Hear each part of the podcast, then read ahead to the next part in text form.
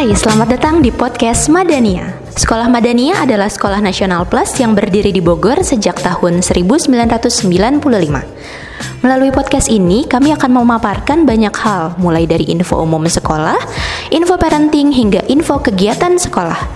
Di episode pertama, Askal Askia, siswa kelas 10 akan memandu podcast ini dengan tema What is Madania? Let's enjoy!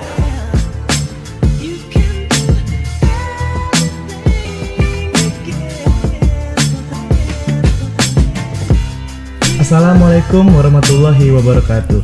Perkenalkan nama saya Askala Sekia Muhardi.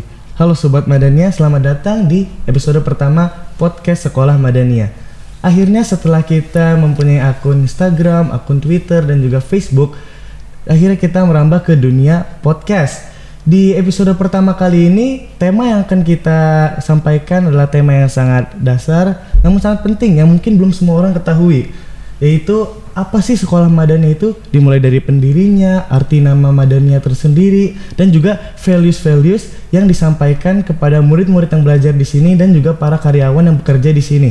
Nah, sekarang kita sudah bersama narasumber kita untuk episode pertama kali ini nih. Karena ini episode pertama, tamunya harus sangat spesial nih. Harus keren, harus berwibawa. Yaitu Bapak Muhammad Wahyuni Nafis selaku School Director Madania. Ya. Selamat datang, Pak. Selamat datang Askal. Terima kasih ya Pak sudah meluangkan waktu untuk menjadi narasumber di episode pertama kali ini. Ya, sama-sama. Alhamdulillah. Ya, langsung saja kita akan menuju ke pertanyaan pertama. Jadi Pak, eh, siapa sih pendiri sekolah Madania itu dan apa arti dari Madania itu? Ya, eh, terima kasih ini Askal. Jadi para pendiri sekolah Madania itu di awal memang tercantum beberapa orang. Hmm. beberapa orang itu lebih dari 3, 4 sampai 5 orang. Tapi dalam perjalanan kemudian diresmikan secara hukum menjadi tiga orang, yaitu Profesor Dr. Nurholis Majid almarhum, Bapak Dr. Andes Haji Ahmad Fuadi Sarjana Ekonomi almarhum, dan Profesor Dr. Komarudin Hidayat. Nah itu para pendiri uh, sekolah Madania kira-kira apa sih yang terbetik atau apa gagasan besar dari para pendiri itu mendirikan sekolah Madania. Tadi kan Askal nanya apa itu makna Madania segala macam yeah. gitu ya. Gitu.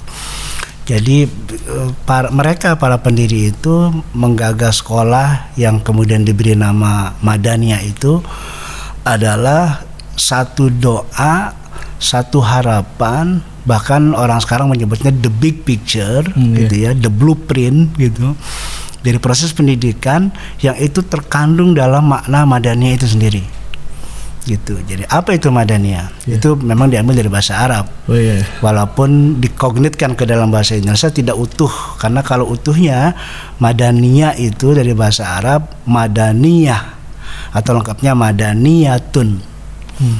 yang artinya civilization, peradaban gitu. Dan kata Madaniyah itu satu akar kata dengan Madinah yang secara sederhana, secara singkat Madinah itu diartikan sebagai kota. Tapi maksud yang sebenarnya dari Madinah itu adalah sebetulnya the place of civilization, tempat peradaban. Jadi Madinah itu adalah tempatnya yang berupa kota isinya adalah madaniyah yaitu peradaban.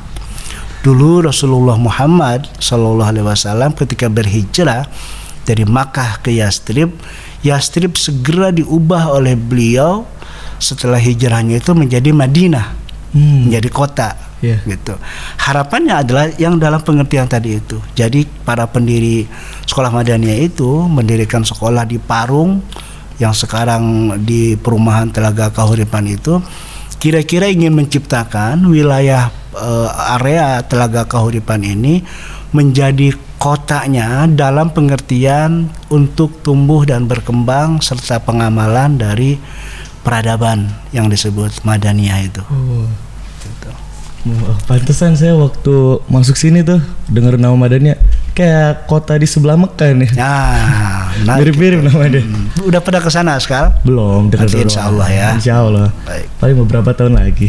Ya, amin, amin. Lanjut kita ke pertanyaan sejarah berdirinya sekolah Madaniyah Pak. Saya ingin tahu sejarah berdirinya sekolah Madaniyah itu misalnya ada di mana, kapan? Silakan Pak. Ya, gini, saya ingin eh, pertanyaan asalnya menarik. Jadi saya ingin berangkat dari ide-ide awal ya. Gitu. Iya. Jadi dulu itu yayasan kan didirikan tahun 1995. Hmm. Lalu mulai 1996 untuk eh, mewujudkan ide-ide besar di yayasan yang tadi saya sebut blueprint itu, the big Ya. picture itu, Yayasan Madinah mendirikan SMU Madaniyah Boarding School. Oh iya. iya. Tahun itu tahun 96. Ya saya tahu. tahu. Lalu berkembang tahun 98 kita membuat SD Madaniyah berwawasan internasional itu. Lalu 99 kita buat TK-nya di Jakarta itu TK. Hmm. Itu, itu kira-kira secara secara garis besarnya itu dulu. gitu. Tapi kira-kira kenapa sih tahun 95 yang tadi saya sebut sebagai pendiri itu mereka rapat, mereka baca apa baca beberapa sekolah, menganalisa, mengidentifikasi kelemahan dan keunggulan setiap sekolah segala macam. Lalu ide itu muncul kita harus membuat kata mereka sebuah sekolah yang sifatnya dikdasmen, pendidikan dasar dan menengah. Itu dari TK, SD, SMP, SMA. gitu. Kenapa? Dulu almarhum Cak Nur pernah ditanya, kenapa Nurholis Majid itu panggil akarnya Cak Nur ya? Ah, iya, kenapa tuh? Cak Nur, kenapa Cak Nur ingin bikin sekolah? Kan udah banyak sekolah Hmm. dan bagus-bagus gitu, baik sekolah Islam maupun sekolah nasional. Iya. Cak Nur bilang gini, jawaban singkatnya tuh gini, saya ingin sekolah Madaniyah yang kita dirikan ini adalah sebagai laboro- laboratorium pendidikan yang kita ajarkan kepada anak-anak. Apa maksudnya? Laboratorium pendidikan yang kita ajarkan tuh misalnya anak-anak diajarkan di sekolah itu jujur. Maka sekolah ini pengelolaannya sekolah ini harus jujur juga. Gitu. Anak-anak diajarkan tentang bagaimana hidup bersih. Iya. Maka sekolah ini harus bersih. Oh. Gitu. Jadi jangan kemudian di kelas orang Islam dengan mudah mengatakan an-nazafatu minal iman. Kebersihan itu adalah sebagian dari iman. Tapi orang-orang yang secara verbal hafal hadis tentang kebersihan itu di tempat kerjanya banyak yang tidak bersih. Iya. gitu kan Askal. Iya. Nah, madanya nggak boleh kalau kita tahu bahwa kebersihan itu penting untuk kesehatan, apalagi ada aspek ajaran teologisnya. Maka sebelum kita ngomong ke anak-anak bahwa kebersihan itu sebagian dari iman, sekolah Madaniyah harus bersih dulu. Hmm. Jadi kira-kira Cak Nur ingin mendirikan sekolah Madaniyah itu dengan kata yang tadi saya sampaikan menjadi laboratorium dan contoh dari nilai-nilai yang kita ajarkan kepada anak-anak dan seterusnya itu nanti. Hmm. Jadi, itu yang pertama. Yang kedua kan ini sejarah dan latar belakang ya. Iya.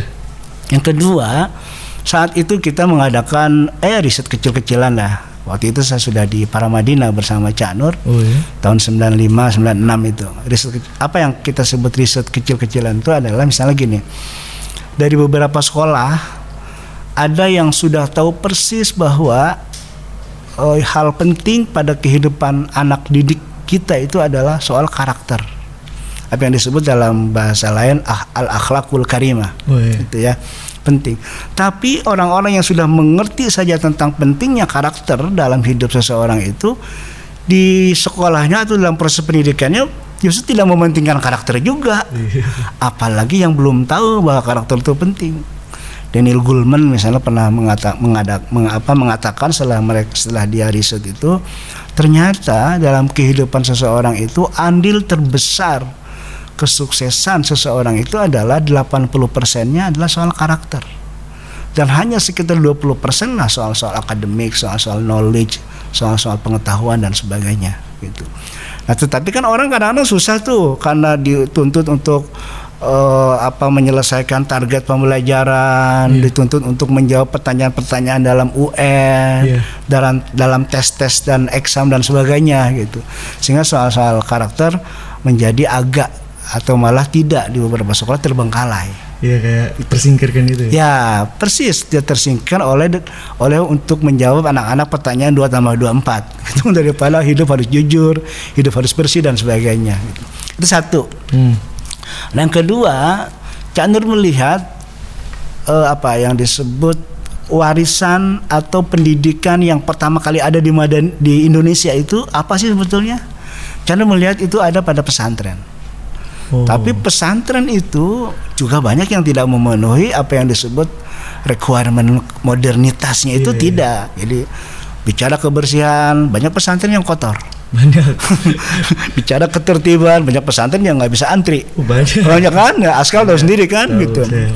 Nah, itu semua. Tetapi ruh kehidupan yang disebut keikhlasan, yang disebut pengabdian yang penuh kepada Tuhan, yang disebut eh, baiat dan apa namanya taat patuh kepada seorang guru dan kiai. Itu pesantren nomor satu.